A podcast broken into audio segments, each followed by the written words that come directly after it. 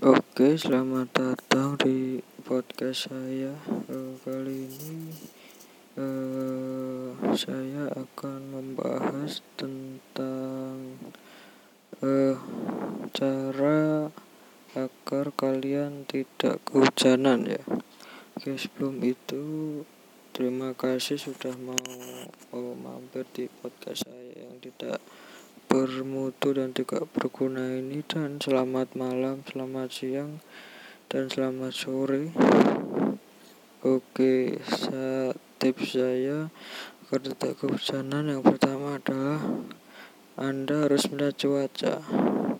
Jika cuacanya mendung, mending kalian tidak usah pergi keluar.